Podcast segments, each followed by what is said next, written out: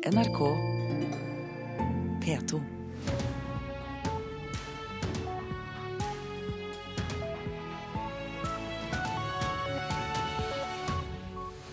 Dette er Øystein Heggen, og dette er overskriftene du får av meg i dag, tirsdag 21. april. Kapteinen på båten som sank i Middelhavet er pågrepet og siktet for uaktsomt massedrap. Offer for menneskehandel kastes ut av Norge. Hun ble også offer for sein saksbehandling. Jenta er jo fortsatt eh, svært ung, som risikerer eh, trafficking eh, fra Nigeria. Jeg vet at når jeg går tilbake hjem, det blir ikke bra. Dårlige tider kan bli en unik mulighet, mener Innovasjon Norge. Nedgang i oljebransjen gir gründervekst i Nordhordland. Og Norge og India er klare til å forhandle om en frihandelsavtale. To av de overlevende etter helgens store forlis i Middelhavet er pågrepet av italiensk politi. FN anslår at 800 mennesker omkom i forliset, og nå er båtens kaptein og hans nestkommanderende arrestert etter at de først ble reddet inn til land.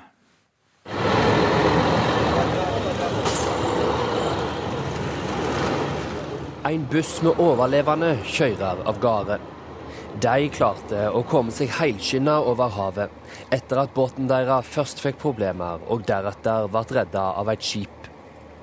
Like bra gikk det ikke i helga, da en fiskebåt med minst 800 mennesker om bord kantra. Av de 800 var det bare 28 mennesker som klarte å redde livet. Nå viser det seg at to av de 28 overlevende er en tunisisk kaptein og hans nestkommanderende, som er fra Syria. Begge to er arresterte av italiensk politi og mistenkte for menneskehandel. Andre overlevende fra båten har fortalt at folk ble holdt innelåste under dekk, og alle de overlevende har blitt avhørte for å finne ut hva som har skjedd. I nuovi schiavisti non possono pensare che l'Europa consideri questo problema come un problema di serie B rispetto ad altre questioni. Statsminister i Italia, Matteo Renzi, er en av flere europeiske politikere som den siste veka har tatt til orde for å gjøre noe med bakmennene som er ansvarlige for menneskesmuglinga på Middelhavet. På den måten håper en å demme opp for litt av strømmen av mennesker som finner veien over havet fra Afrika til Europa. Reporter Vegard Kjørom. Hun var et offer for menneskehandel og skulle bare ordne pass for å få beskyttelse av norske myndigheter. Treg saksbehandling ved den nigerianske ambassaden gjør nå at jenta kastes ut av Norge. NRK har fordreid hennes stemme for å skjule hennes identitet. Hun koker seg en kopp te. Den 23 år gamle jenta har funnet tryggheten på en hybel i Innlandet. Livet mitt har. Her føler jeg er. Jeg får meg ikke er der lenge. Jeg har ingenting der, i mitt land. Da hun var 16 ble hun funnet sterkt forkommen på gata i Oslo og ble tatt hånd om av barnevernet. Familievennen i Nigeria hadde lovt henne utdanning i Europa, men hun endte med å jobbe som prostituert. Da visste jeg at uh, det blir ikke skole for meg. Eller det blir ikke sånn han sier jeg skal gjøre. Så da skjønte du at du var blitt lurt? Så det blir ikke det som iallfall jeg drømmer om skal være. I politiavhør beskrev hun bakmannen. Utlendingsnemnda mente jenta var særlig utsatt, og mente hun burde få beskyttelse pga. sterke menneskelige hensyn. Hun fikk derfor innvilga midlertidig opphold i 2011. Jeg grøt. Det var sånn jeg grøt, sånn jeg gledegråt. Jeg var glad til jeg fikk og, og sånn jeg fikk den opphold. Men eh, en andre ting jeg var glad for, at jeg er trygg. At jeg er trygg. Jeg har noen å beskytte meg. Men gleden ble kortvarig. I januar kom beskjeden om at jenta må ut av landet. Men å dra tilbake til hva? Ingenting. Jeg vurderer den slik at uh, Utlendingsnemnda har begått uh, feilvurderinger når de har valgt å ikke fornye den oppholdstillatelsen som ble gitt i 2011. Et vilkår for oppholdet var nemlig at hun skaffa seg pass, noe som har vist seg svært vanskelig, sier jentas advokat Anders Ervin Solberg. Men det har jo etter flere forsøk ikke vist seg å være mulig. Den nigerianske ambassaden forklarer i et brev at de ikke har greid å skaffe pass pga. tekniske problemer. Men det når ikke fram, verken hos Utlendingsdirektoratet eller Utlendingsnemnda. Akkurat denne saken oppleves som de har behandlet på en veldig lite tilfredsstillende måte. Advokaten har nå bedt Utlendingsnemnda vurdere saka på nytt. Vi har jo vanskelig for å se hva som har endret seg siden 2011. Uh, jenta er jo fortsatt uh, svært ung, uh, i starten av 20-årene, og er jo i kjerneområdet av de eh, kvinner som risikerer trafficking fra Nigeria. Verken Utlendingsnemnda, Utlendingsdirektoratet eller Justisdepartementet ønsker å uttale seg i saka. Eksperter på Nigeria sier det er stor sjanse for at jenta ender tilbake i prostitusjon hvis hun sendes tilbake. Det er hun også sikker på sjøl. Jeg vet at når jeg går tilbake hjem, det blir ikke bra. En, han kommer og finner meg, Send meg tilbake. Eller to, å være en prostituert i mitt land. Jeg vil si drep deg sjøl i stedet å være der. Denne reportasjen var laget av Jorunn Wang. To hus og en garasje brant ned i Rælingen i Akershus i natt. Brannen startet i en enebolig i Nordby, og nødetatene fryktet at brannen skulle spre seg. Ifølge Romerikes Blad var det flere av naboene på byggefeltet som ble evakuert pga. giftig røyk. Og ifølge politiets innsatsleder ble ingen skadd i eh, denne brannen. Politiet er bekymret for en skiløper i 30-årene som ble meldt savnet i går etter at han ikke kom tilbake fra en skitur i Vågå. Han dro ut på skitur ved titida i går formiddag og ble meldt savnet da han ikke kom tilbake som avtalt ved 17-tida, sier operasjonsleder i Gudbrandsdalen politidistrikt Arne Strøm. Vedkommende gikk eh, på um ski og det var utstyrt for dagstur. Det opplyses at han er fjellvant og at han har vært på stedet flere ganger tidligere. Vi begynner å bli ganske bekymra nå i og med at um, vi, har, vi, har, gjort funn av ski og sekk ved Steinflytinden, så um, vedkommende må nødvendigvis uh, være i, området da. Og det er to helikoptre og snøscootere som deltar i søket etter denne mannen, og det var altså i Vågå. De eh, dårlige tidene for oljenæringen gir en unik mulighet for nyskapning. Ja, det mener Innovasjon Norge. I Nordhordland er hundrevis av ansatte i oljerelaterte selskaper sagt opp i det siste året. Men det har bidratt til et blomstrende gründermiljø i Knarvik. Jeg hadde tenkt på det en stund, men når jeg først gjorde det, så eh, var det mer sånn at jeg kasta meg uti, og så tenkte jeg litt etterpå. Katrine Målvik startet sitt eget selskap i fjor sommer. Sveiseingeniøren selger allerede konsulenttjenester til en rekke land. Frankrike, Sverige, England. Vi har ikke noen grense. Vi kan operere i hele verden. Molvik er del av et voksende gründermiljø i Knarvik. Det siste året har hundrevis mistet jobbene sine i Nordhordland pga. nedgangen i oljenæringen. I lokalene som kalles Dampen har Industriutvikling Vest samlet en rekke gründere.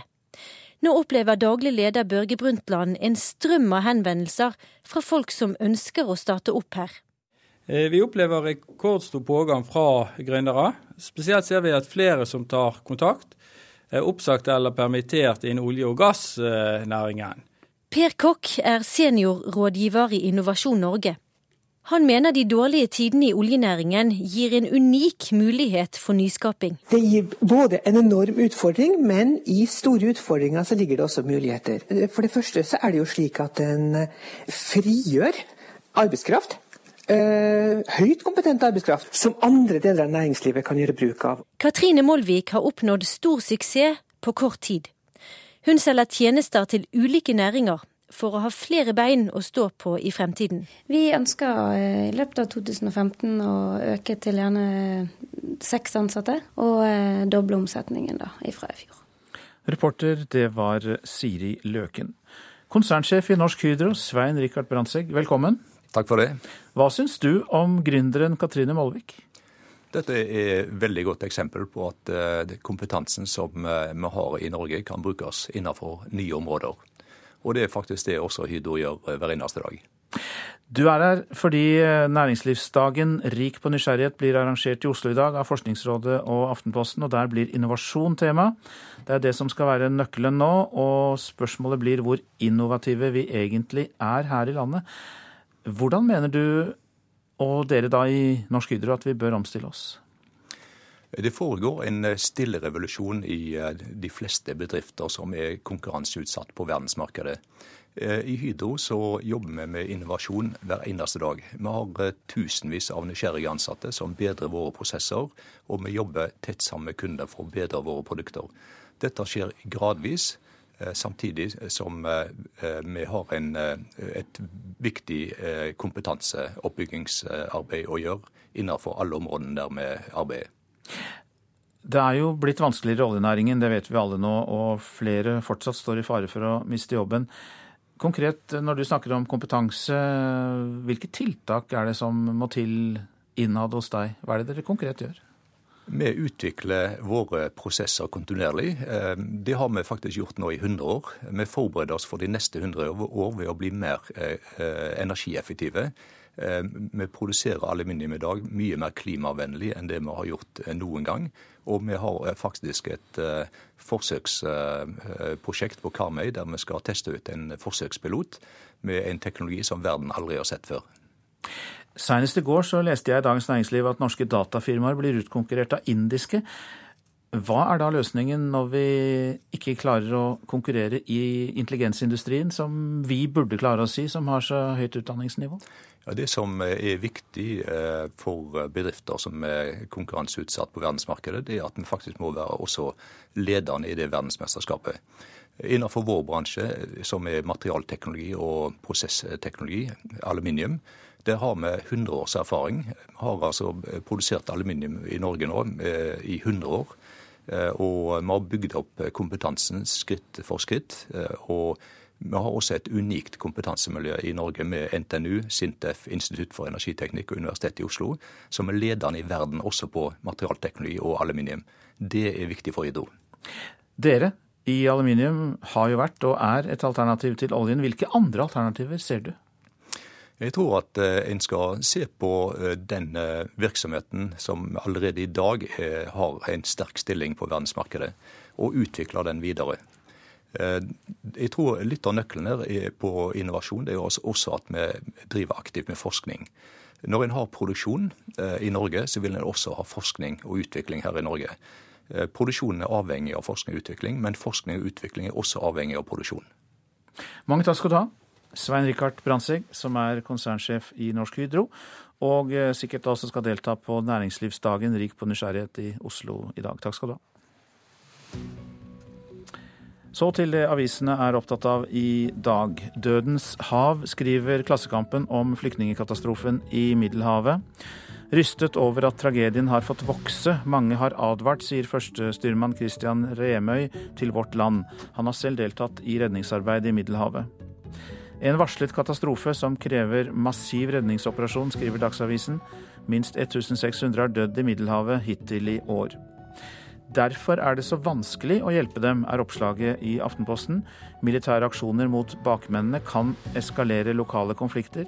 Flere europeiske marinefartøyer kan føre til at enda flere setter ut på havet. Og det kan bli et sikkerhetsmareritt å sette opp flyktningleirer i Nord-Afrika og Midtøsten. Lav rente er god butikk for DNB, skriver Dagens Næringsliv. For hver tusenlapp vi låner av banken, sitter den igjen med 250 kroner i fortjeneste. Storbanken vil ikke fortelle avisa hva gjennomsnittskunden betaler i rente. Unge kaster mest mat, får vi vite i Nasjonen. De under 30 år irriterer seg mest over matkasting, men det er de som selv kaster mest. For de som er over 50 år er det motsatt. De bryr seg mindre om miljøet, men sparer mest mat, viser undersøkelse. Flere yngre kvinner får hjerneslag, skriver Dagbladet. Usunn livsstil kan øke risikoen. Det viser en studie der 30 000 personer har eh, deltatt. Et gardsbruk på Voss inneholder 500 kubikkmeter salmonellainfisert gjødsel. Det kan vi lese i Bergens Tidende. Bonde Arvid Løne på Voss mistet elleve kalver da gården ble rammet av salmonella i fjor og da ble også familien smittet. Mattilsynet jobber med å løse hvordan gjødselet skal håndteres for å unngå at smitten sprer seg. Flyttes infanteribataljonen på Skjold i Troms til Porsanger i Finnmark, vil det ramme det vesle lokalsamfunnet Øverbygd med et sleggeslag, skriver Nordlys. Militæret er hele grunnmuren i bygda, som har 200 sivile innbyggere og 800 militære. Fullkorn kan være et salgstriks, behøver ikke være sunt, får vi vite i VG. Flere matvarer selges med fullkorninnhold, men blir ikke sunne av den grunn. Ernæringseksperter advarer mot chips og flere frokostblandinger. Nå om sponsortørke for skøytesporten, selv etter Ida Njåtuns bronsetriumf i allround-VM. Skøyteforbundet har startet kronerulling på nettet, men mangler fortsatt en hovedsponsor. Overgangen til hverdagen har vært en nedtur for VM-bronsevinner Ida Njåtun. Da har jeg prøvd å leite etter eh, sponsor. Akkurat til nå så har det ikke, har det ikke kommet noe inn. Hun knuser den norske rekorden! oi, oi, oi. Ingen vil sponse Norges første kvinnelige allround-medaljør i VM på 25 år. Helt sinnssykt. Samtidig mangler Skøyteforbundet generalsponsor og 4 millioner kroner.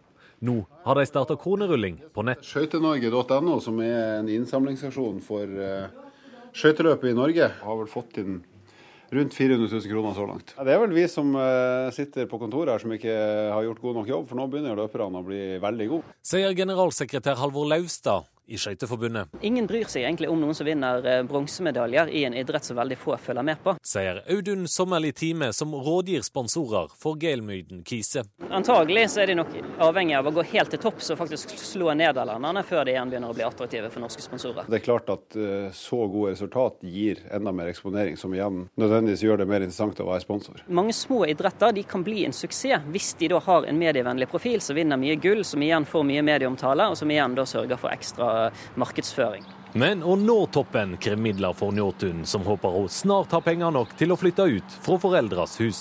For å kunne gjøre et så godt arbeid jeg kan, for å kunne ha en, eh, en ordentlig bosituasjon og, og kunne ha bl.a. det utstyret jeg trenger for å, for å kunne bli best. da. Reporter var Hans Henrik Løken. Klokka den er 6.47 der. Vi har disse hovedsakene i Nyhetsmorgen. Kapteinen på båten som sank i Middelhavet er pågrepet og siktet for uaktsomt massedrap. Trafficking-offer kastes ut av Norge etter sju år. Norske myndigheter skylder på den nigerianske ambassaden som ikke har utstedt pass. Aksjon fra skatteetaten kan ramme mange av landets kulturhus, frykter kulturhusleder i Stavanger.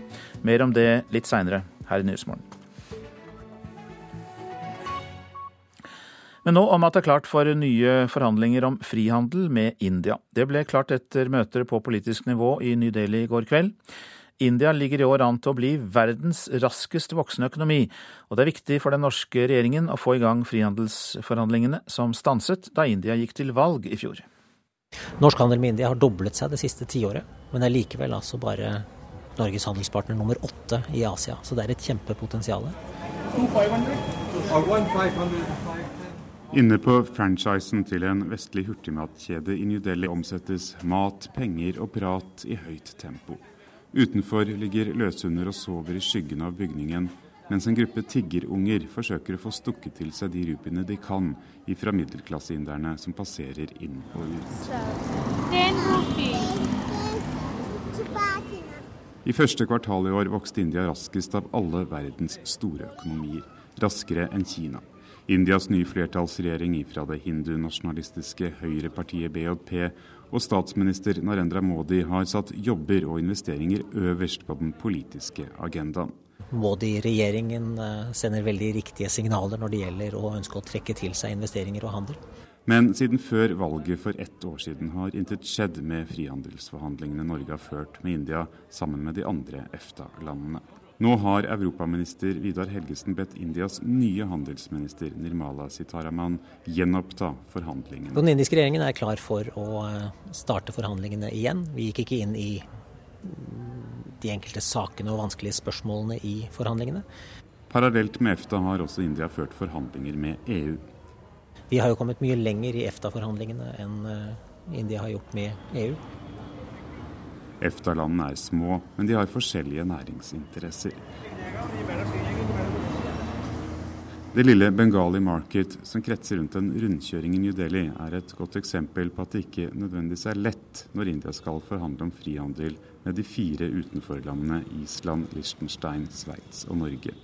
I markedet ligger to apotek med 15 meters mellomrom. For å gjøre medisiner tilgjengelig for folk med lite penger, har India lagt liten vekt på å beskytte patenter på medisin. Et spørsmål som er eh, viktig for sveitserne f.eks. og for inderne, er rettighetsbeskyttelse knyttet til farmasøytisk industri. Det er ikke noe stort tema for Norge, men det kan likevel bli et, eh, et eh, vanskelig spørsmål i forhandlingene. Det sa statsråd Vidar Helgesen, og reporter i New Daily var utenriksmedarbeider Philip Lote. Forsikringsutbetalingene etter naturskader har økt kraftig. På begynnelsen av 2000-tallet lå de samlede utbetalingene på mellom 85 og 500 millioner kroner i året. Til nå i år er det allerede utbetalt over 700 millioner kroner. Forsikringsbransjen etterlyser at kommunene må stille strengere krav til hvor folk får lov til å bygge hus. Det blir mer om dette i Nyhetsmorgen etter klokka sju, og vi får med oss en klimaforsker og spør hvilke utfordringer vi bør forberede oss på. Norske kulturhus risikerer å måtte betale tilbake moms for sju års drift. Det frykter Per Harald Nilsson, som er direktør for det nybygde konserthuset i Stavanger. Sist uke mottok hans konserthus et krav på moms, etterbetaling av moms på over 250 millioner kroner. Stemningen i Kulturhus-Norge er nå preget av, av, delvis panikk. Sier Per Harald Nilsson, direktør for det nybygde konserthuset i Stavanger.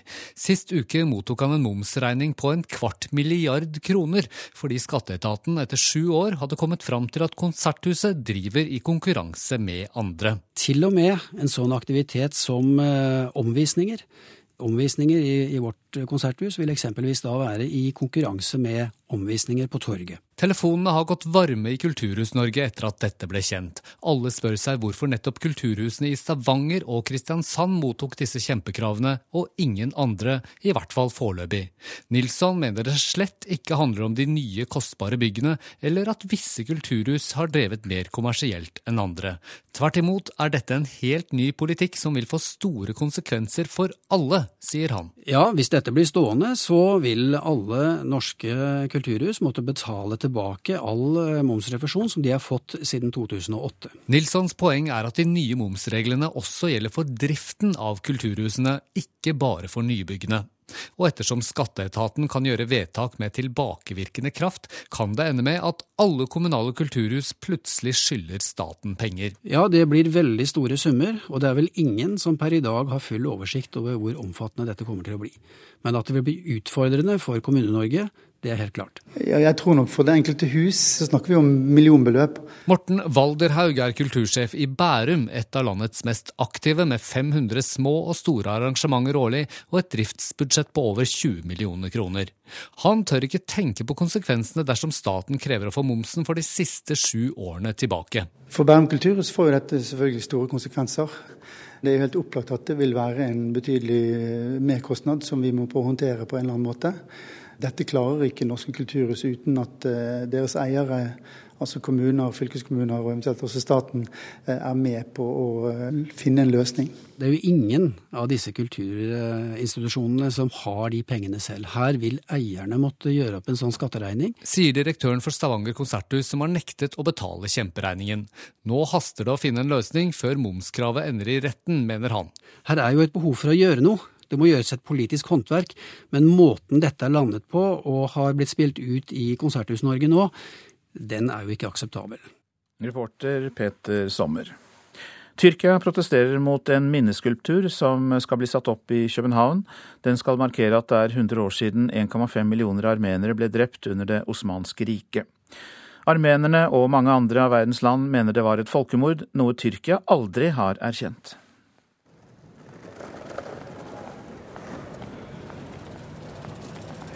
Kulltorvet midt i København er en rolig samlingsplass. Men det kan snart endre seg. Er det inni her denne eh, skulpturen? Ja, det skal den. Den skal stå midt i denne sirkel. På den kjempestore, runde benken på Kulltorvet skal nemlig en ni meter høy skulptur settes opp til minne om de rundt 1,5 millioner armenerne som mista livet i 1915. Debattredaktør på avisa Børsen, Kristoffer Artzoni, har delvis armensk bakgrunn og synes skulpturen er en god idé. Jeg kan ikke se hvorfor jeg skulle være imot en minnehøytidelighet i form av et kunstverk. Det er ei amerikansk-armensk arkitektgruppe som står bak skulpturen som heter The Draem.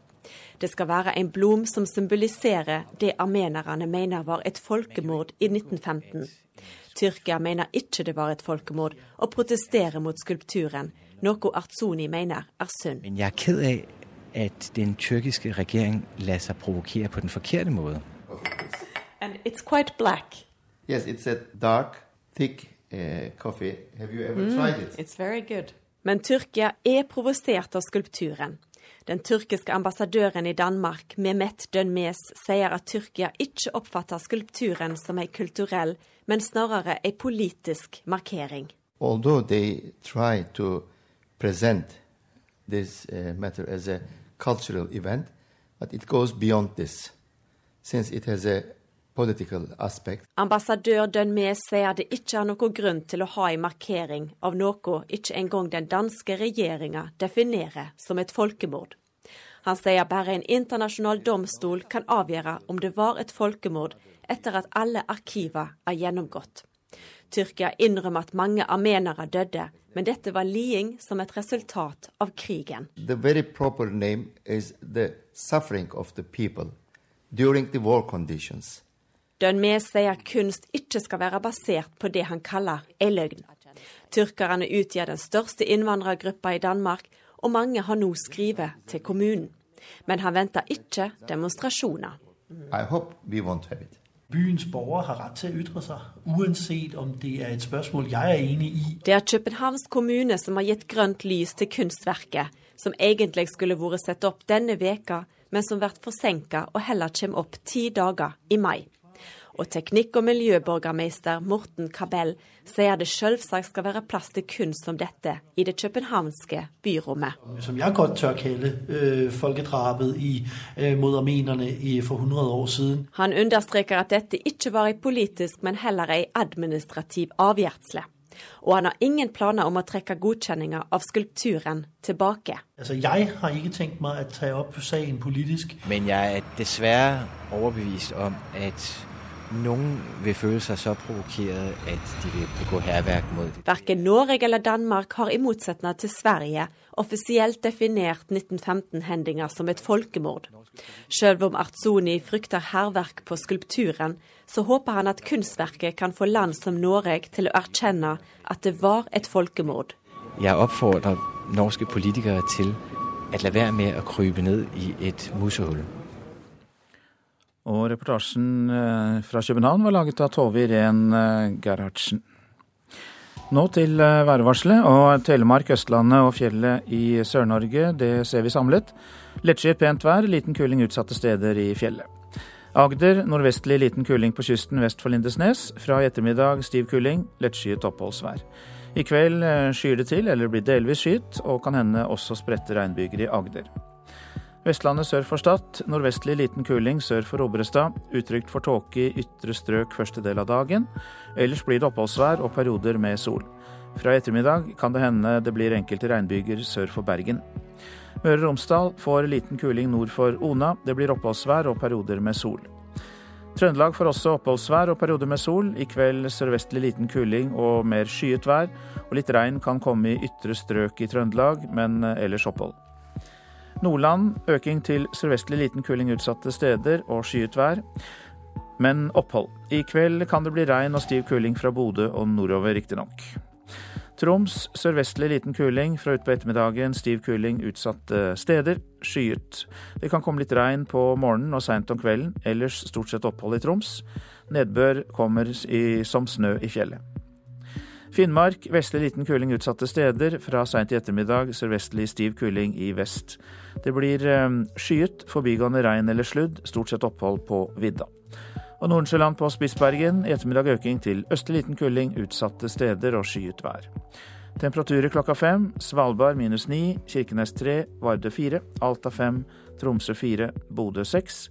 Brønnøysund og Trondheim fem, Molde én, Bergen og Stavanger fire. Kristiansand seks, Gardermoen fem, Lillehammer tre, Røros null og Oslo-Blindern seks grader.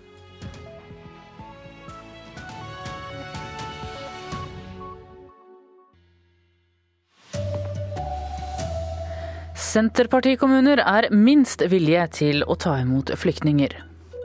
Og foreldre klager når politiet bryter opp barnas fyllefester. Her er NRK Dagsnytt klokka sju. Kommuner styrt av Senterpartiet er mest motvillige når det gjelder å ta imot flyktninger. Det viser beregninger NRK har gjort på grunnlag av tall fra Integrerings- og mangfoldsdirektoratet. Kommuner som har en ordfører fra Senterpartiet har hittil sagt ja til 31% færre flyktninger i år enn de ble bedt om. Ordfører i Kviteseid, Torstein Tveito, forklarer det slik. Hvis det er Senterparti-ordførerne og og Senterpartistyrte kommuner som sier nei, så er det ut ifra at vi realitetsvurderer det med faktisk økonomisk ryggrad til å yte tjenester i kommunene. Og de vi er valgt av, det er de som faktisk er her. Sosialistisk Venstreparti og Kristelig Folkeparti mener det er for lenge å vente til august før Norge bistår i EUs operasjon Triton i Middelhavet. I går sa regjeringen at Norge skal bidra med et sivilt skip i den EU-ledede operasjonen i Middelhavet fra 1. august. Og politiet i Italia har arrestert to personer som er mistenkt for menneskesmugling etter skipsforliset utenfor kysten av Libya i helgen. Den ene av de arresterte er en mann fra Tunisia som var kaptein på fartøyet, og en syrisk mann som antas å ha vært eh, en av mannskapet. 27 personer overlevde havariet og kom til byen Catania på Sicilia i går kveld. Ifølge en representant for FN var det 800 mennesker som mistet livet i katastrofen. Politiet i Oslo opplever at de blir utpekt som syndebukker av foreldrene når ungdomsfester kommer ut av kontroll. Det kommer frem i politiets rapport over klager fra i fjor. Da mottok Oslo-politiet 105 klager. Foreldre som er misfornøyd med at politiet bryter inn i barnas fester er ikke uvanlig, sier Anne Merete Ansuk, politioverbetjent i Oslo-politiet. Ofte så møter vi stor misnøye og liten forståelse fra foreldre som har eh, lagt til rette for hjemme alene-fester. De foreldrene som har lagt til rette for festen sjøl, er kanskje vanskeligst å samarbeide med. Noen av dem er ofte bortreist og i tillegg berusa sjøl når eh, politiet tar kontakt. Og Det er en faktor som kan gjøre samarbeidet litt mer krevende. 150 personer er kuttet fra gjestelisten til bursdagen til Oslos ordfører. Fabian Stang fyller 60 år og skal ha fest på kommunens regning sammen med varaordfører Libe Riiber Moen, som blir 50. Ifølge Dagbladet ble det foreslått å invitere 450 gjester, men forretningsutvalget kuttet listen i går, og nå blir bare 300 invitert. NRK Dagsnytt var ved Tone Nordahl. Her i Nyhetsmorgen tar vi inn vår korrespondent på Sicilia og får de siste informasjonene om flyktningkatastrofen i Middelhavet. Forsikringsutbetalinger etter naturskader har skutt i været. Ikke sikkert at alle får forsikring i framtida. Og her får du også høre mer om foreldre som klager over at politiet griper inn for å stoppe ungdommenes hjemmefester, og om at det er Senterpartikommuner som er de dårligste til å ta imot flyktninger. Ja, for det er altså Senterpartikommunene som er eh, strengest. Det viser en gjennomgang NRK har eh, gjort eh, av tall fra i fjor og i år. Kommuner med ordfører fra Senterpartiet vil i år ta imot 31 færre flyktninger enn de er blitt bedt om. Og I den sammenheng da så er det ut ifra de tjenestene vi yter til innbyggerne våre, så er det de vi prioriterer. De som faktisk bor her alt nå. Kommunen Kvitseid i Vest-Telemark har rundt 2500 innbyggere. De er bedt om å ta imot ti flyktninger som har fått opphold i Norge. Men svaret er nei. Kommunen har dårlig råd, skal nedbemanne og mangler boliger. Da har vi ikke økonomisk ryggrad til å tilsette folk som vi i dag ikke har, for å skjøtte flyktninger. Vi har heller ikke boliger til, til den slags personell per dato. og Derfor så ligger det inne et vedtak om nei fra Kvitsøy kommune. Kommune-Norge blir hvert år bedt om å bosette et visst antall flyktninger. NRK har fordelt kommunene etter hvilket parti som har ordførermakten, og sett på forskjellen mellom antallet de er bedt om å bosette, og antallet de faktisk har sagt ja til. For Senterpartiet er forskjellen i år altså 31 for de to andre store ordførerpartiene, Høyre og Ap, er tallene henholdsvis 12 og 17% Tendensen var den samme i fjor. Vi har problemer med husværet til dem. Sier ordfører i Marker, Kjersti Nilsen fra Ap. For at hennes kommune skal bosette flere, trengs det mer penger. Vi tar dem hvis vi har eh, mulighet for å bosette dem. Men hos oss er det jo lite utleie, og det er lite hus som er til salgs. Men når det ikke er noen ting å tilby dem, så kan ikke vi tilby dem et telt. For vi vil så gjerne at når vi tar imot, så skal vi gjøre det ordentlig. Og eh, Senterpartiet diskuterer bosetting og syriaflyktninger med Fremskrittspartiet og SV i Politisk kvarter, altså kvart på åtte. Reporter i dette innslaget Halvard Norum, Katrin Hellesnes og Veronica Westerin. De overlevende etter båtforliset på Middelhavet i helgen kom i går kveld til Sicilia. Minst 800 mennesker døde i forliset, og mennesker skal være, ha vært innelåst under dekk da båten kantret. Nå er to av de 28 overlevende pågrepet av italiensk politi. Europakorrespondent Åse Marit Befring, du er med oss fra Sicilia. Og hvorfor har politiet arrestert disse to mennene?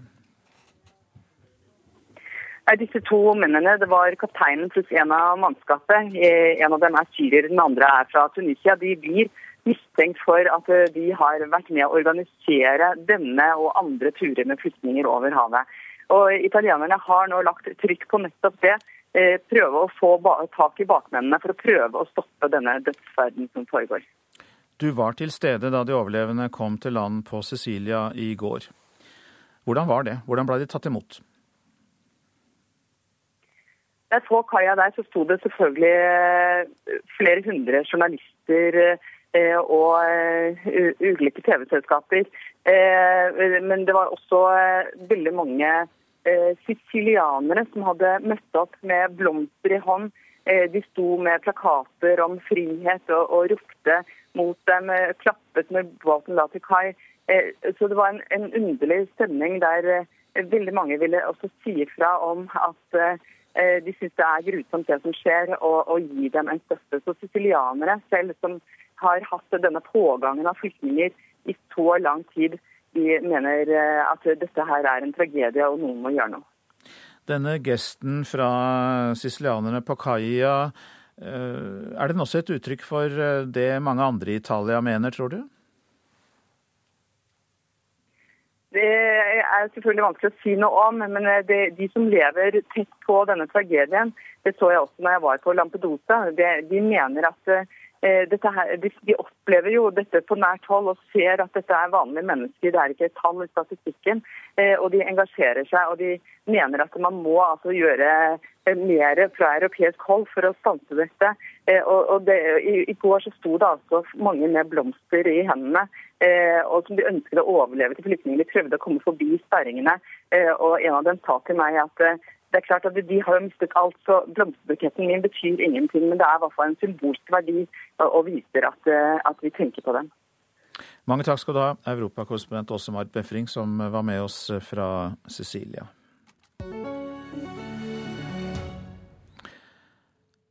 Forsikringsutbetalingene etter naturskader har skutt i været. På drøyt ti år er utbetalingene mangedoblet, og de samlede utbetalingene nådde i 2011 over 2,6 milliarder kroner. Forsikringsbransjen krever at kommunene må ta et større ansvar nå for hvor folk bør bosette seg. Ja, her huset lå akkurat her. Så da kom elva rett inn her. Helge Hansen løfter hånden til brysthøyde for å vise hvordan elven tok familiens hus i Nord-Fron kommune i Oppland fylke. Og han er ikke alene. Tall fra forsikringsbransjen viser at utbetalinger etter naturskader har skutt i været de siste årene. De sier jo totalt sett at uh, naturskader det går oppover. Sier kommunikasjonssjef i Gjensidige, Bjarne Åni Ryster. For hans selskap har de årlige snittutbetalingene etter naturskader blitt femdoblet på få år. Fra 80 millioner per år til 400 millioner per år. Rystad mener mange kommuner lar folk få bo der det er farlig. Vi mener at kommunene har et uh, stort ansvar for å forebygge skader. Uh, passe på at utbygging kun blir tillatt der hvor det er sikre områder. Så fikk hun seg opp i hus da, på samme tomta. Men gleden ved et nytt hus ble kortvarig for familien, forklarer Unni Tove Hansen. Hun bodde vel der i elleve måneder. Da kom jo flommen igjen. Og ødela det huset òg. Nå truer Gjensidige med å gå til sak mot Nord-Fron kommune dersom ikke kommunen betaler for det andre ødelagte huset til Hansen-familien. Altså, det var mange gode grunner til at vi gjorde det som vi gjorde den gangen. Eh, så det er jeg ikke bekymra for. Svarer ordfører Olav Røssum i Nord-Fron kommune. Oss eh, trodde at sjansen for at det ville skje så fort, var lite ord. Og det ble satt i gang sikringstiltak. Det at eh, vi nå har en, eh, en sak, en rettssak, i, eh, i, denne saken mot kommunen, eh, sier jo noe om hva vi mener her. At eh, det ansvaret hører hjemme hos kommunen. Og resultatet av de økte forsikringsutbetalingene etter naturskader kan bli at forsikringsselskapene i fremtiden vil nekte å forsikre noen områder. Det kan bli et av temaene, ja. Om og hvilken grad man kan forsikre alt i alle områder. Og reporter her var Mikael Olsen Lerøen, og det ble mer om det farlige været i Brennpunkt-dokumentaren 'Tatt av været' på NRK1 i kveld klokka 21.30. Men til oss er du kommet, Hans Olav Hyggen, klimaforsker ved Meteorologisk institutt. Velkommen. God dag, dag. Ja, hvilke klimautfordringer bør vi forberede oss på i tida framover? Det vi ser gir de store skadene, det er vann. Vann som trenger inn i huset vårt, vann som skader veier. Altså kraftige nedbørhendelser. Og det er der også vi ser en markant økning i hendelser. Når vi ser på måletallene våre på Meteorologisk så ser vi at de heftigste regnbygene blir sterkere og hyppigere, og med tilhørende skader. Vind kan jo være ille nok, men altså sammenlignet med vann, så ikke, fører ikke vind til så mye skader? Vind herjer vanvittig kraftig når det treffer. Det kan du jo se. altså Flere av oss har jo opplevd noe i stormene som har vært rundt omkring. Men eh, hvis vi ser på når jeg snakker om forsikringsbransjen, og ser på hvor de store pengene går, så er det vannskader. Hvordan kan den enkelte huseier forebygge naturskader? Her, her, her, må vi tenke fra det små til det store. Vi må se på hvordan innretter vi tomta rundt huset vårt, sånn at vi prøver å lede vannet vekk fra der vi ikke vil ha det, fra vårt hus, og helst ikke rett inn i naboens hus. Det kan vi også gjøre ved uheldige tiltak.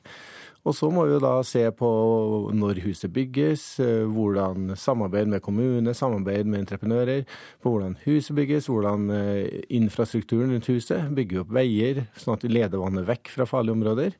Og hvis dette bygges riktig, så kan du få leda vannet på trygge måter ut i steder der hvor det gjør lite skade. Hva er det beste tipset, da? Flat eller skrånende tomt?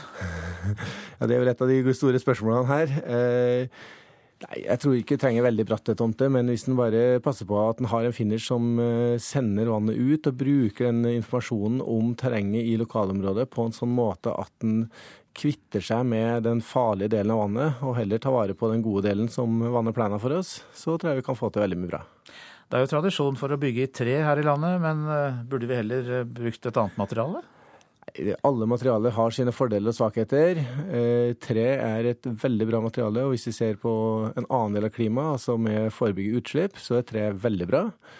Så hvis vi bygger tre på en god måte, sånn at men er nøye med å unngå byggefeil, passer på å være tetta skikkelig på riktig fase i bygginga, så er det ikke noe problem å bygge tre. Også litt tilbake til det vi hørte om i innslaget her, hvordan kommunene bør håndtere dette. For nå hørte vi jo et forsikringsselskap som går til sak mot en kommune fordi de fikk lov å bygge på nytt på en tomt. Hva er det kommunene nå bør tenke på når de legger ut områder for boligbygging, mer enn de gjorde før, kanskje? De må tenke på at vi får litt mer enn spesielt nedbør, som jeg sier. Får litt farligere vær. Og, men nå finnes det også veldig mye god informasjon, så prøv å ta med seg all den gode informasjonen som enten vi på Meteorologisk institutt eller NVE sitter på. Ta det med inn i planleggingsprosessen. Se er nå dette et trygt område, eller er det et område vi bør være litt ekstra forsiktige i. Og tar de dette inn, og også tenker struktur, tenker avrenning, tenker at du får av og til så mye vann at du ikke kan håndtere det lokalt, men dette må få renne unna, så pleier det her å gå ganske bra. Mange takk. Hans Olav Hyggen, du er klimaforsker ved Meteorologisk institutt. Dette er Nyhetsmorgen, og klokka den går fram mot kvart over sju. Vi har disse hovedsakene. Kapteinen på båten og en person til er pågrepet og siktet for uaktsomt massedrap. og Da snakker vi altså om båten som sank i Middelhavet. Senterpartikommuner de dårligste til å ta imot flyktninger. Og forsikringsutbetalinger, som vi hørte nå, etter naturskader har skutt i været. Og det er ikke sikkert at alle får forsikring i framtida.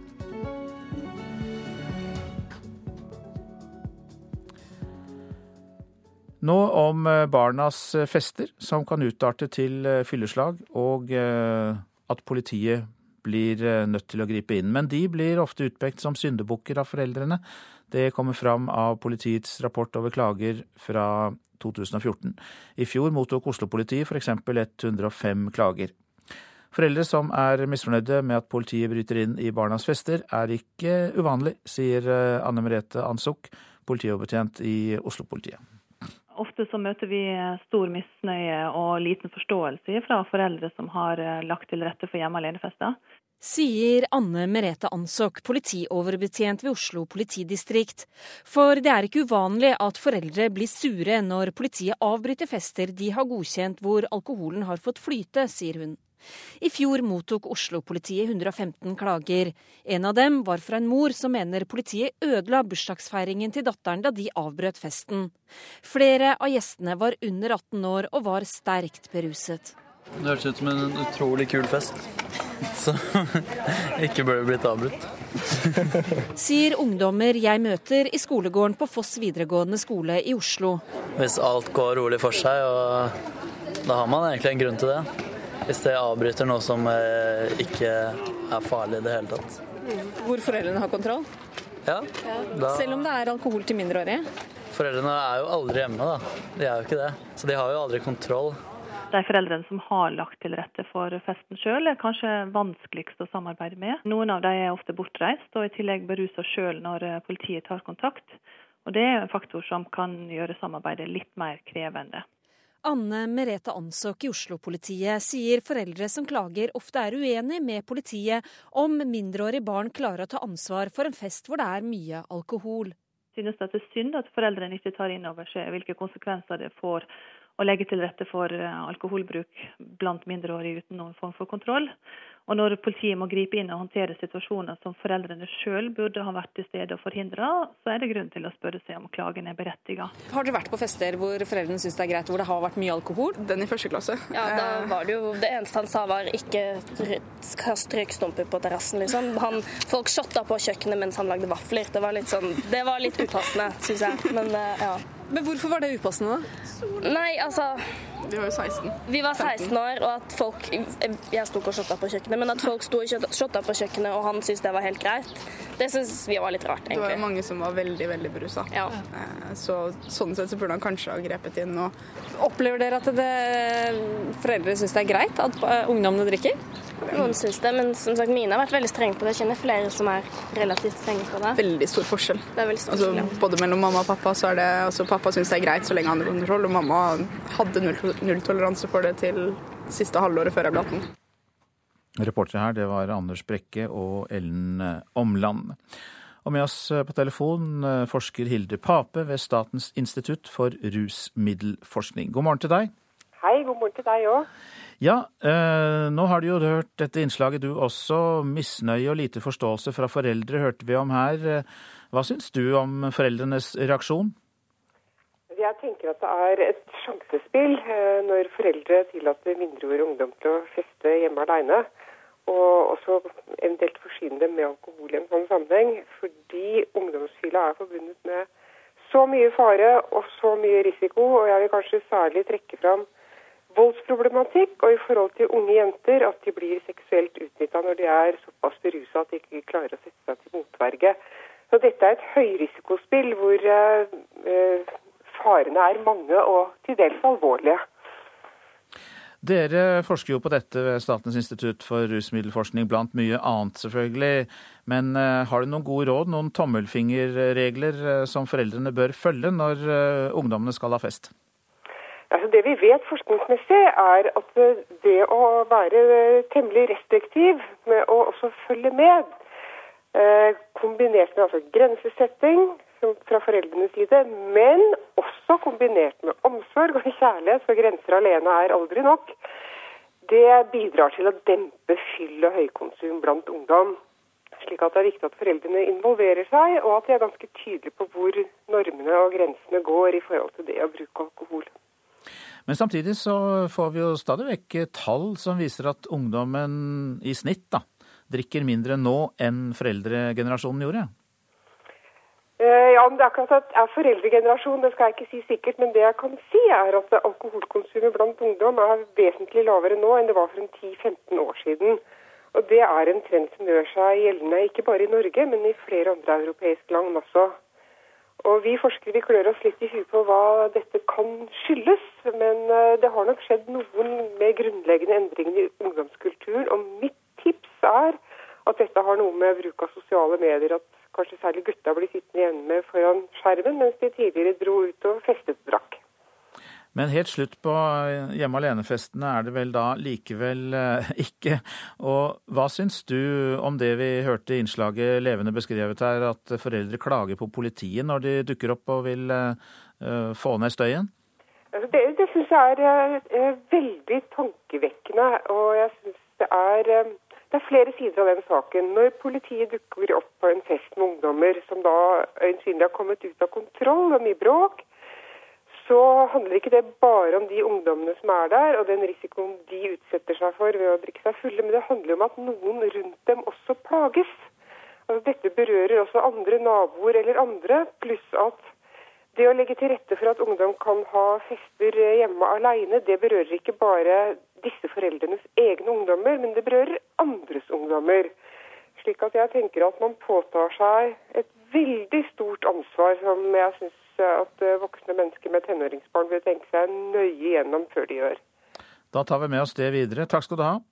Ha det riktig godt. Forsker Hilde Pape ved Statens institutt for eh, rusmiddelforskning.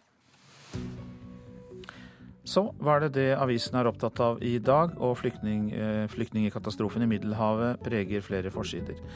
Dødens hav, skriver Klassekampen. Rystet over at tragedien har fått voksne. Mange har advart, sier førstestyrmann Christian Remøy til Vårt Land. Remøy har selv deltatt i redningsarbeidet i Middelhavet. En varslet katastrofe som krever massiv redningsoperasjon, skriver Dagsavisen. Minst 1600 har dødd i Middelhavet hittil i år. Derfor er det så vanskelig å hjelpe dem, er oppslaget i Aftenposten. Militære aksjoner mot bakmennene kan eskalere lokale konflikter. Flere europeiske marinefartøyer kan føre til enda flere som setter ut på havet i usikre farkoster. Og det kan bli et sikkerhetsmareritt å sette opp flyktningleire i Nord-Afrika og Midtøsten. Ulemper med alle tre løsninger som Aftenposten nevner her. Lav rente er god butikk for DNB, skriver Dagens Næringsliv. For hver tusenlapp vi låner av banken, sitter den igjen med 250 kroner i fortjeneste. Storbanken vil ikke fortelle avisa hva gjennomsnittskunden betaler i rente. Unge kaster mest mat, får vi vite i Nasjonen. De under 30 år irriterer seg også mest over matkasting, men er altså selv de som kaster mest. For de som er over 50 år er det motsatt. De bryr seg mindre om miljøet, men sparer mest mat, viser undersøkelse. Flere yngre kvinner får nå hjerneslag, skriver Dagbladet. Usunn livsstil kan øke risikoen, viser studie der 30 000 personer har deltatt. Et gardsbruk på Voss inneholder 500 kubikkmeter salmonellainfisert gjødsel, kan vi lese i Bergens Tidende. Bonde Arvid Løne på Voss mistet elleve kalver da gården ble rammet av salmonella i fjor, og da ble også familien smittet. Mattilsynet jobber med å løse hvordan gjødselet skal håndteres for å unngå at smitten sprer seg. Flyttes infanteribataljonen på Skjold i Troms til Porsanger i Finnmark, vil det ramme det vesle lokalsamfunnet Øverbygd med et sleggeslag, skriver Nordlys. Militæret er hele grunnmuren i bygda, som har 200 sivile innbyggere og 800 militære. Fullkorn det kan være et salgstriks, behøver ikke å være sunt, får vi vite i VG. Flere matvarer selges med fullkorninnhold, men eh, blir ikke sunnere av den grunn. Ernæringseksperter advarer mot chips og flere frokostblandinger. Politiet frykter at en savnet skiløper kan være tatt av ras ved Kjønholstinden i Vågå i Oppland. Det er lokalisert et skred i området der skiløperen i 30-åra er meldt savnet. Det ble satt i gang en leteaksjon etter, at mannen, da han ikke kom tilbake som avtalt ved 17-tida i går ettermiddag. En redningsgruppe skal undersøke skredområdet nærmere nå. Og det er et vanskelig område å jobbe i, så vi må sende inn alpin redningsgruppe for å få undersøkt dette. Det sier operasjonsleder Arne Strøm hos politiet i Gudbrandsdalen. Flere Oslo-beboere har kanskje lagt merke til at noen romkvinner har sittet på gata i hovedstaden, har begynt å selge strikkede sokker og tøfler og luer. Og dette håndverket har de lært i Norge. i kjelleren på Tøyen kirka.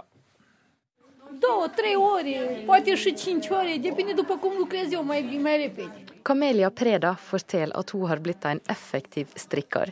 Hun bruker nå tre-fire timer på å få ferdig et par tøfler. Det er torsdag ettermiddag i kjelleren på Tøyenkirka, og rundt bordet sitter eldre norske kvinner og underviser yngre romkvinner i strikkekunsten. Kamelia sier at alle på Kirkens Bymisjons faste torsdagstreff er fantastiske folk med store hjerter. Strikkekurset er uten påmelding, og har i løpet av to år hatt 30 deltakere. Ideen kom fra 85 år gamle Sunniva Helgesen. Det var eh, våren 2013 at vi snakket sammen, og jeg spurte om det var interesse for en strikkegruppe. Jeg er jo imponert over veldig mange, hva de, hva de greier da, og hva de får til. Men du er 85 år Ja da. og hjelper til som frivillig her. Jeg syns jo det er ålreit å være med på noe. Jeg jobber jo litt i menigheten med strikking også, til, eh, til eh, folk i andre land som trenger det. Litt lengre inn i lokalet holder sykehuset til. Her syr de ei spesialdesigna kåpe etter mål. Marit Melilot er designer og sylærer. Nå skal de lære å sy knapper, så utfordringen da er jo både at plasseringen skal være riktig, og både vinkelen og stedet. Og så gjelder det å få det helt riktig første gangen, fordi det er veldig, veldig tette sting å ta opp igjen. Og dette har de ikke gjort før, og det er en kåpe de har brukt lang tid på å sy, så det er litt sånn ekstra spennende, tror jeg, da. Ofelia Vadova er spent, men jobber nesten hver dag for å lære håndverket. Hilde Kirkebøen, som er prosjektleder for tiltaket Rom for fattige tilreisende, sier de har store planer. Altså målet med hele syprosjektet er at vi skal få til noen faste avtaler eh, med et marked i Norge. Og så skal produksjonen da etter hvert flyttes til Romania, sånn at den blir bærekraftig for kvinnene og, og sånn prismessig. Fordi at eh, det er jo målet med det her at det skal være noe, eh, en levevegg for kvinnene. Lydia Vadova er ei av kvinnene som selger det hun lager på gata. Hun sier at folk er hyggeligere mot henne når de ser at hun gjør en jobb, og ikke bare tigger. De sitter jo ofte og strikker mens de tigger, og det er jo en veldig fin anledning. Og da tror jeg det er folk som kommer bort og, og vil kjøpe, eller til og med kommer bort og bestiller eh, ting de vil ha strikka direkte. Så det er artig. Til vanlig sitter hun ved Stortinget, men Lydia forteller at torsdagene i Tøyenkirka er ukas høydepunkt.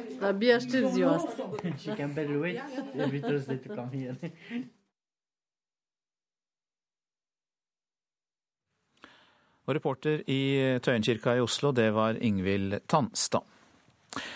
Du lytter til Nyhetsmorgen, produsent eh, her i dag, Ingvild Ryssdal. Her i studio, Øystein Heggen. De som var apartheidstatens helter, er de nå eh, glemt og gjemt bort i dagens Sør-Afrika? Nei, ikke helt. Mange prangende statuer av dem fins fortsatt. Hør mer om det i reportasjen fra Tom Christiansen etter eh, Dagsnytt. Det kan bli stortingsflertall for å ta imot 10 000 syriske flyktninger. Samtidig klarer ikke kommunene å bosette de vi allerede har. Og det blir debatt om dette mellom Fremskrittspartiet, Senterpartiet og SV i Politisk kvarter, som er kvart på åtte. Og så minner vi om at uh, vår e-postadresse er 03030 krøllalfa nrk.no. 03030 krøllalfa nrk.no dersom du har tips eller kommentarer. NRK P2.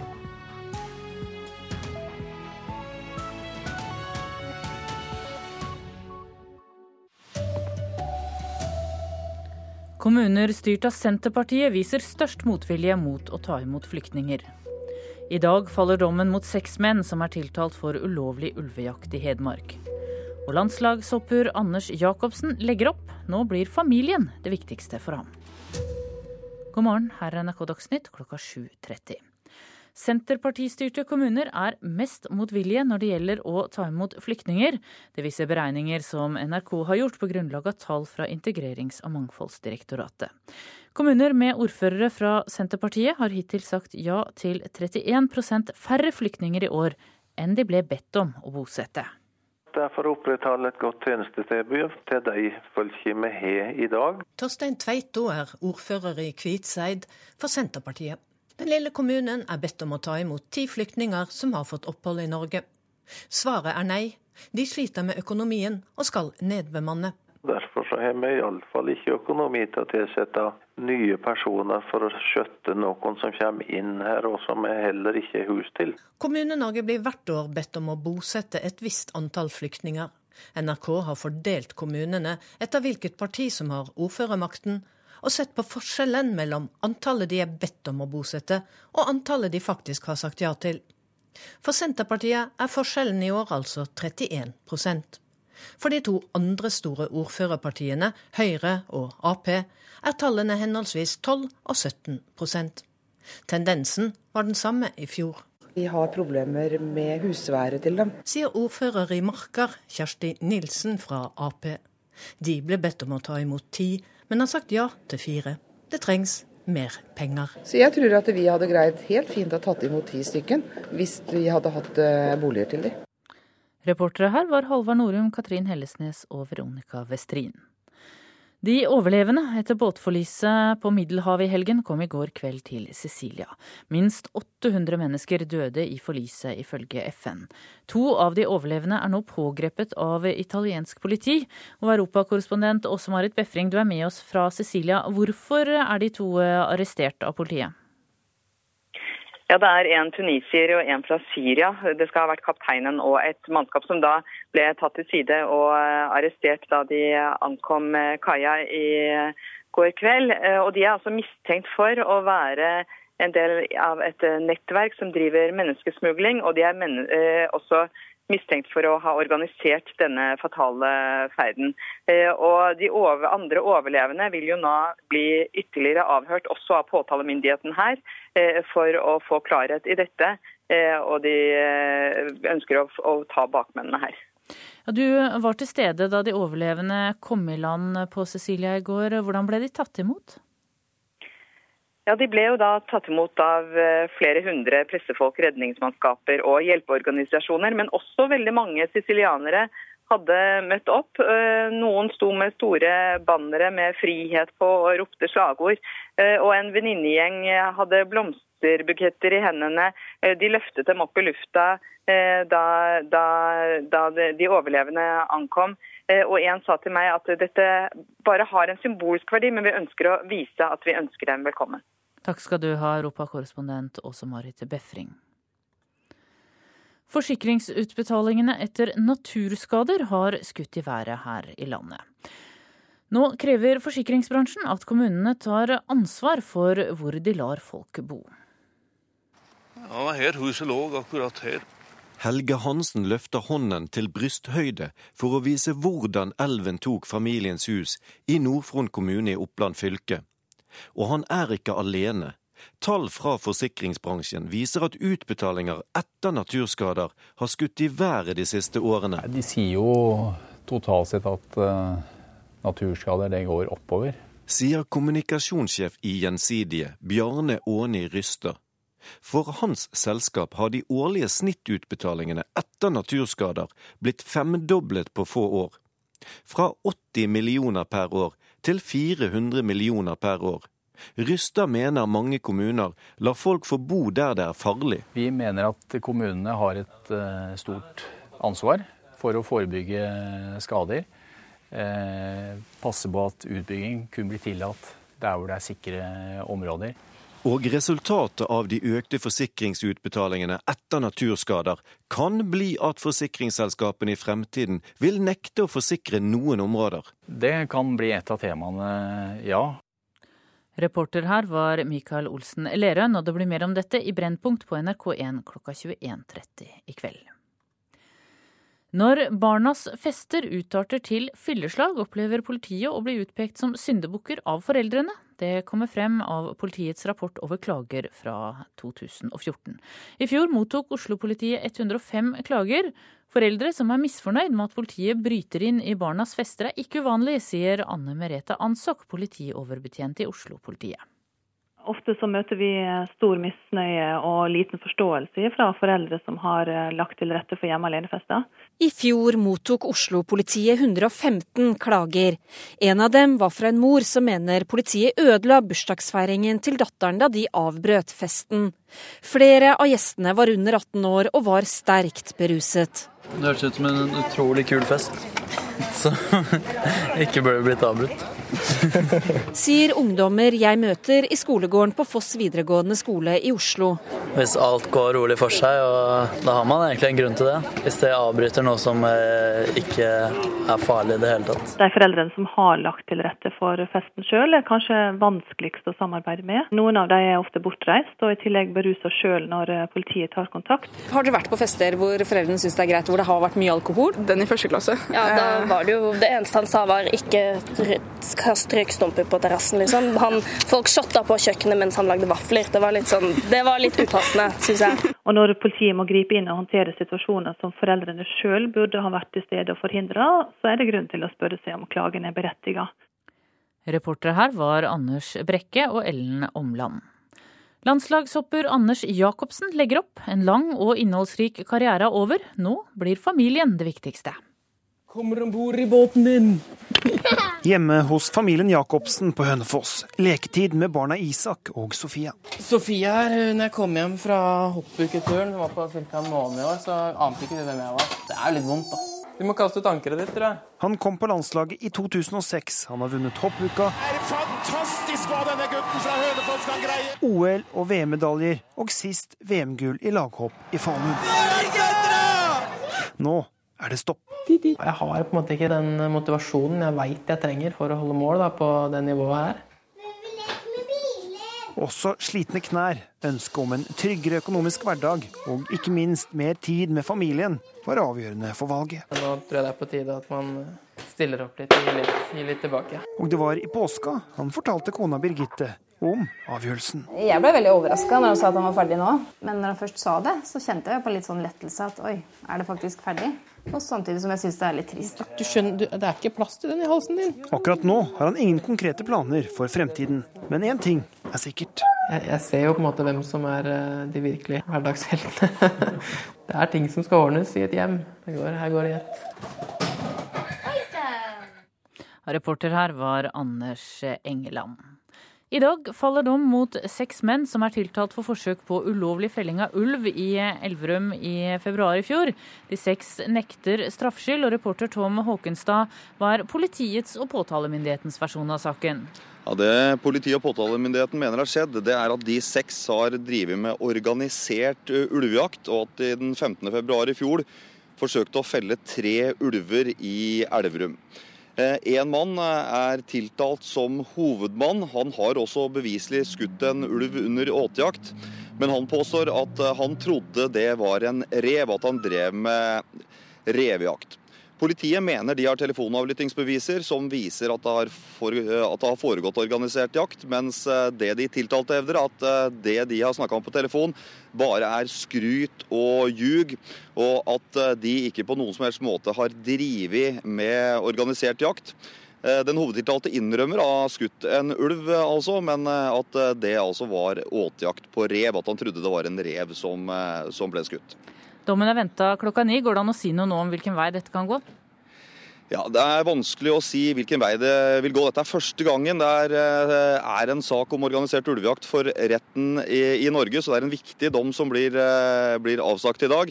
Det kan være presedens, men det kan være alt fra to års fengsel hvis politiet får det som de vil, til frifinnelse hvis forsvarerne får det som de vil. Takk skal du ha, Tom Håkenstad. Ansvarlig for Dagsnytt denne morgenen er Anders Borgen Werring. Det tekniske ansvaret har Hanne Lunås. Her i studio Tone Nordahl.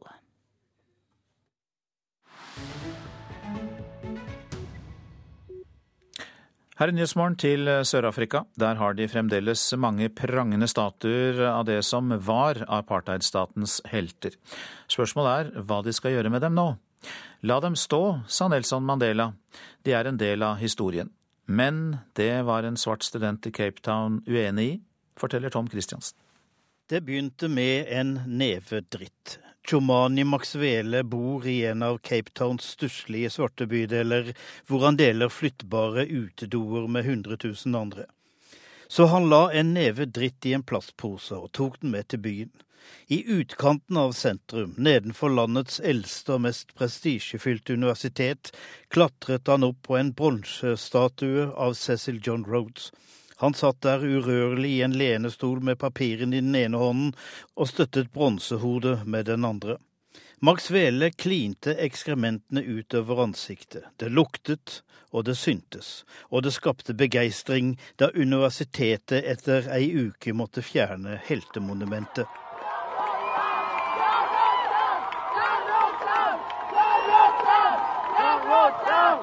Cecil John Rhodes var 1800-tallets store diamantmagnat, den rikeste mann i verden. En imperialist som ville bygge en jernbane fra Kapp til Kairo for å ta kontroll over Afrika og utvinne hennes råvarer. Han lurte noen konger lenger nord og underla seg deres landområder, som han oppkalte etter seg selv, Rhodesia, og som i dag er Zimbabwe og Zambia. Han var en rasist for øvrig som de fleste andre hvite handelsmenn sør for Sahara mot slutten av 1800-tallet. Før han døde, ga han vekk all jorda han eide, blant annet den universitetet ligger på, og han ga bort sin formue, den er blitt til stipender som har gitt tusenvis av svarte høyere utdanning. Men det ble han Chomani Maxveles vrede gikk utover. Det er ikke til å bære at jeg hver dag, sa Maxvele, må ydmykes ved å passere statuen av denne udiskutable rasisten hver morgen på vei til universitetet. Nå står det flere andre bronsehelter for tur. I Pretoria har studenter helt grønnmaling over statuen av boerlederen Paul Krüger.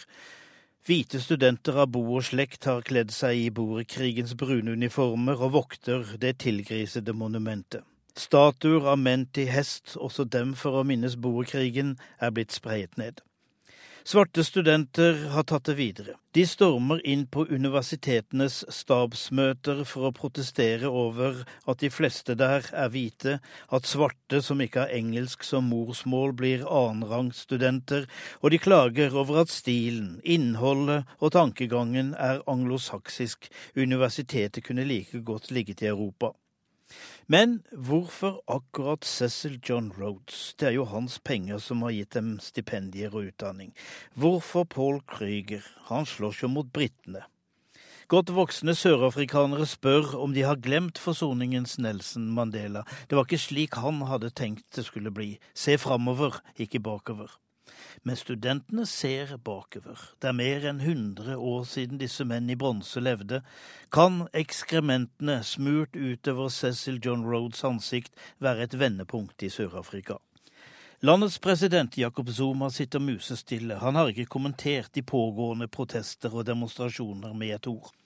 De som nå aksjonerer, er sinte. De har ventet på at valgløfter skulle innfris.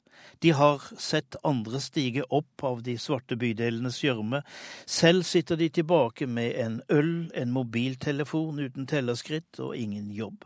Nå bryter raseriet ut, og det rammer altså menn i bronse. De var alle rasister og apartheidregimets forgjengere. Dette er overskriftene i Nyhetsmorgen i dag. Kapteinen og nestkommanderende på båten som sank i Middelhavet da 800 mennesker døde, er pågrepet og siktet for uaktsomt massedrap. Kommuner styrt av Senterpartiet viser størst motvilje mot å ta imot flyktninger. Forsikringsutbetalinger etter naturskader har skutt i været. Ikke sikkert at alle får forsikring i framtida. Og landslagshopper Anders Jacobsen legger opp. Nå blir familien det viktigste, sier han. Om få sekunder Politisk kvarter, og programleder der er Håvard Grønli.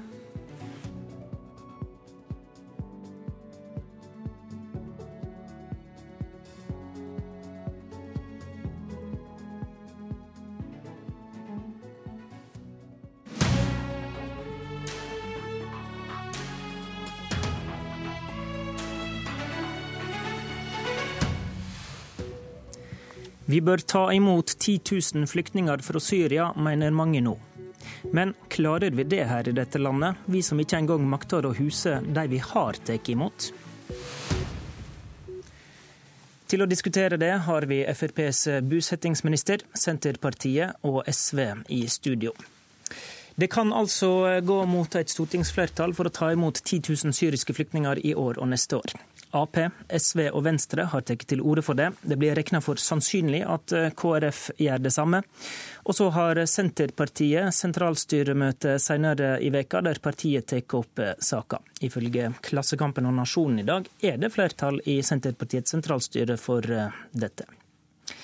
Samtidig har vi fortalt i Dagsnytt i dag om de evige utfordringene med å finne husvær i kommunene til flyktninger som har fått opphold. Og vi har hørt at de Senterpartistyrte kommunene er strengest. God morgen, stortingsrepresentant for Senterpartiet, Heidi Greni. God morgen. Du sitter i kommunalkomiteen der en steller med bosetting av flyktninger, men du er også egentlig ordfører i Holtålen kommune i Sør-Trøndelag. Der har dere nylig tatt opp spørsmål om å bosette ti flyktninger som dere var bedt om å ta imot. Fortell eh, hvordan dere konkluderte. Eh, nå er ikke ordfører i Holtålen, jeg har hatt permisjon eh, hele perioden for det jeg sitter på Stortinget. Men diskusjonen, diskusjonen, vår Settingen var den at formannskapet enstemmig har innstilt på at vi skulle ta imot flyktninger. Men mellom formannskapsmøtet og kommunestyremøtet så fikk vi da en et, eh, en henvendelse i fanget om at eh, det var et firma som vurderte å etablere et flyktningemottak i kommunen. Det var da et mottak som skulle huse bortimot 200 eh, flyktninger. Og vi er en kommune på 2000 innbyggere. Det sier seg sjøl at en tidel av innbyggerantallet ville vært et ganske stort antall i et så lite lokalsamfunn. Og Det var grunnen til at hele saken ble utsatt. for vi vi ser ikke oss i stand til å, å ta på oss begge de oppgavene parallelt. Så nå er saken utsatt i vår kommune til vi får en avklaring om det kommer et flyktningmottak eller ikke. Generelt, da, hvorfor tror du Senterparti-styrte kommuner sier så mye nei til bosetting av flyktninger? Eh, det er eh, Generelt så tror jeg det er to hovedsaker. Det er mangel på bolig, og det er, det er økonomien som ligger til det, usikkerheten til om de klarer det her økonomisk. Mange, særlig av de her små kommunene, er veldig hardt pressa på økonomi. Eh, verre i år enn de har vært på lange lange tider pga. bl.a. skattesvikten. Og det er klart, Når de her tjenestene ikke er fullfinansiert, så tør de rett og slett ikke å ta på seg noe som de tror vil belaste kommunebudsjettet ytterligere. Så diskuterer vi da samtidig om Norge skal ta imot 10 000 syriske flyktninger. Og skal vi tro medielekkasjene, så kan det se ut til at Senterpartiet også går inn for det. Mener du at Norge bør ta imot 10 000 syriske flyktninger? Jeg mener i hvert fall at vi må ta imot atskillig flere enn vi gjør i dag. Og hvis vi skal komme opp i et uh, tall anslagsvis 10 000, så må vi iallfall uh, først og fremst må vi gjøre noe med virkemidler til kommunene. Vi må øke tilskuddet til boligbygging vesentlig. Og vi må sørge for at integreringstilskuddet øker vesentlig. Per i dag så er jo Teknisk beregningsutvalg enig med oss til at det ligger under de reelle kostnadene. altså Tjenesten er ikke fullfinansiert. Så vi er nødt til å opp med integreringstilskuddet, og vi må òg sørge for at eh, staten tar en større del av kostnadene med boligbygging.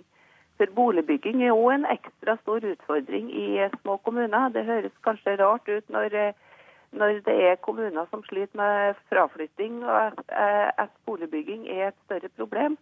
Men det er ikke boliger å få kjøpt, de blir brukt til fritidsbolig. Og bygging i disse kommunene er en mye større risiko enn f.eks. i en bykommune der boligene er omsettbare til over kostpris etterpå. Solveig Horne fra Frp, du er barne-, likestillings- og inkluderingsminister og har ansvaret i regjeringa for bosetting av flyktninger. Dere har klart å øke bosettinga etter at dere tok over regjeringsmakta, men nå ser vi at køene på asylmottakene vokser igjen. Hva er konsekvensen for bosetting hvis det skal komme 10 000 flere fra Syria? Jeg er veldig bekymra hvis det skal komme flere, og spesielt når vi vet det, at vi har en utfordring med å få bosatt de som allerede sitter i mottakene og har fått et vedtak om at de skal bo i landet, og som ikke klarer å bosette. Så er det som flere var inne på, at vi har altså hatt en rekordhøy bosetning i fjor. Kommunene har bosatt 20% mer enn det de gjorde i 2014. Det tror jeg er mye takket være for at regjeringen har økt integreringstilskuddet. Er nå dekka 90 Dere har gjort det hun ber om fra Trøndelag? Ja, Først og fremst har jeg jo altså bedt alle kommuner, i motsetning til forrige regjering, alle kommuner om å bosette. Jeg har altså hatt ordførermøte med over 50 ordførere.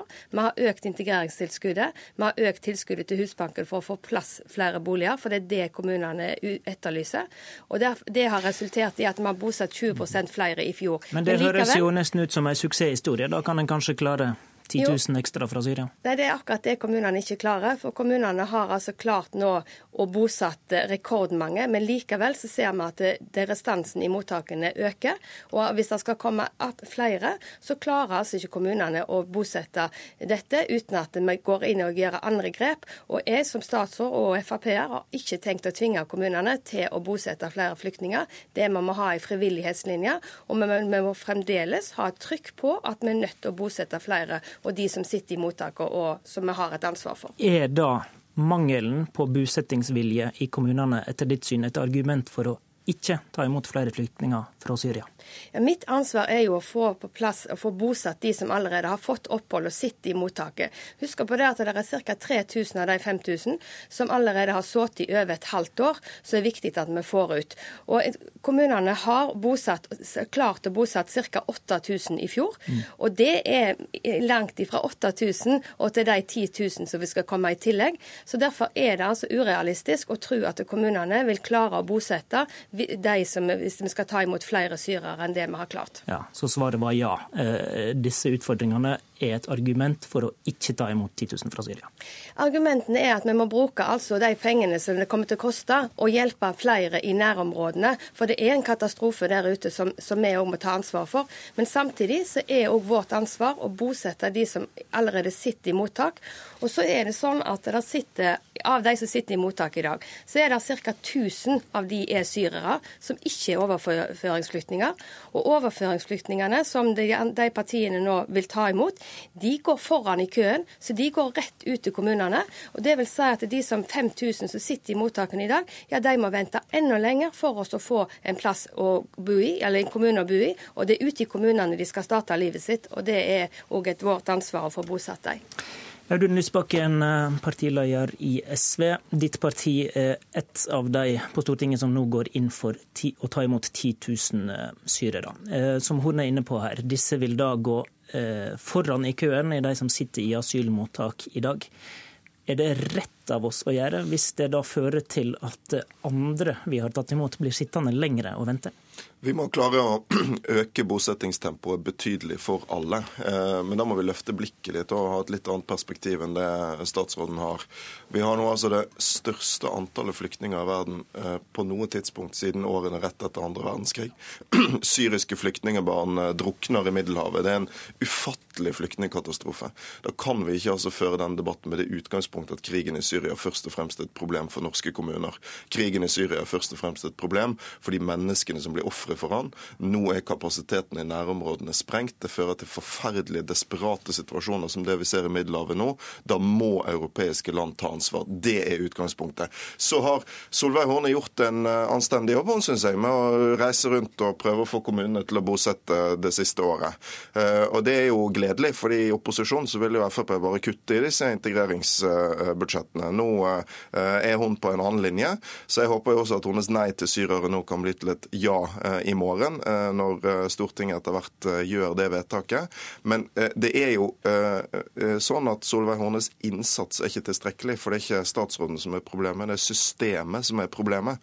Ja, ja det, Men det er jo helt reelle dilemma ute i Kommune-Norge når de blir bedt om å ta imot folk, og så sitter de og har ikke penger og kompetanse. Hvordan, selv om alle er blir berørt av det som skjer, så må en jo løse det Mm, på en måte. Det er riktig. og det, For det første så må jo Stortinget betale for de flyktningene som vi går inn for uh, å ta imot. Ok, Så det er snakk om mer integreringstilskudd, som Det- også Senterpartiet er snakker om da, eller? Det er Et av de grepene som vil være nødvendig. I tillegg så må vi rette opp i noen kutt regjeringen har gjort, f.eks. i lånerammen i Husbanken, som gjør det vanskeligere for kommunene å bygge boliger. Men fra SV sin side så tror vi heller ikke det vil være nok, for det er noe galt med systemet vi har i dag.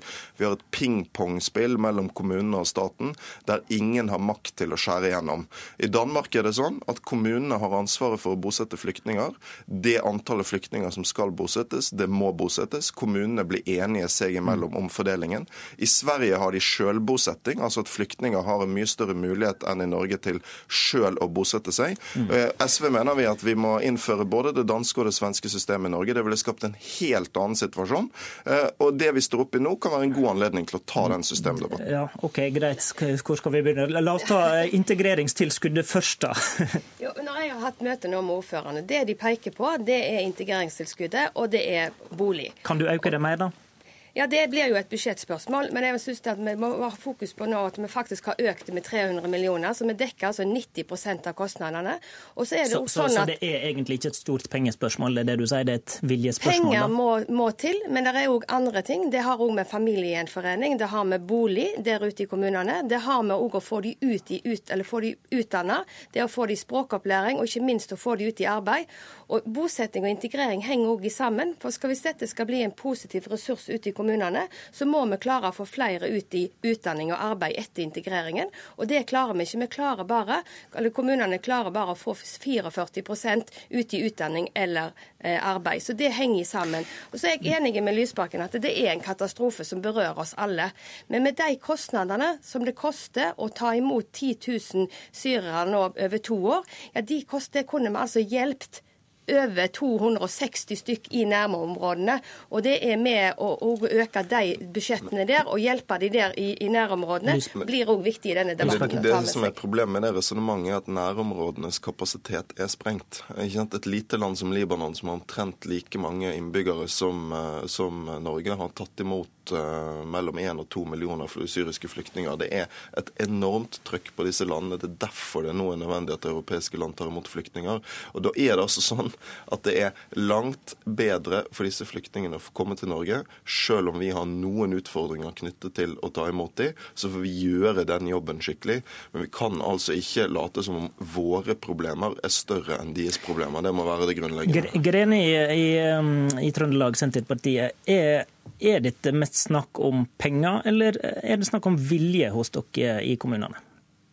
Det er først og fremst snakk om, om penger. Jeg har ikke møtt noen som, har, som er uvillig til å ta imot.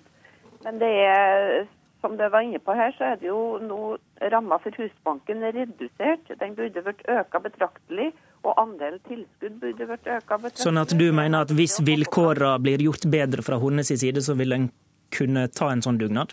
Ja, selvfølgelig. Og nå er jo som å si, integreringstilskuddet dekkes 90% Det burde jo være dekt 100% Du kan ikke forvente at kommunene med den stramme kommuneøkonomien de nå har fått de siste to årene, skal klare å, å ta på seg en ekstrakostnad i kommuner der det er kraftige nedskjæringer på Men det med, det med Husbanken sin tilskuddsramme er ikke tilfellet. For regjeringen økte altså, har gjort i fjor og i år med 150 millioner til Husbanken sin tilskuddsramme, slik at det skal bli enklere for kommunene.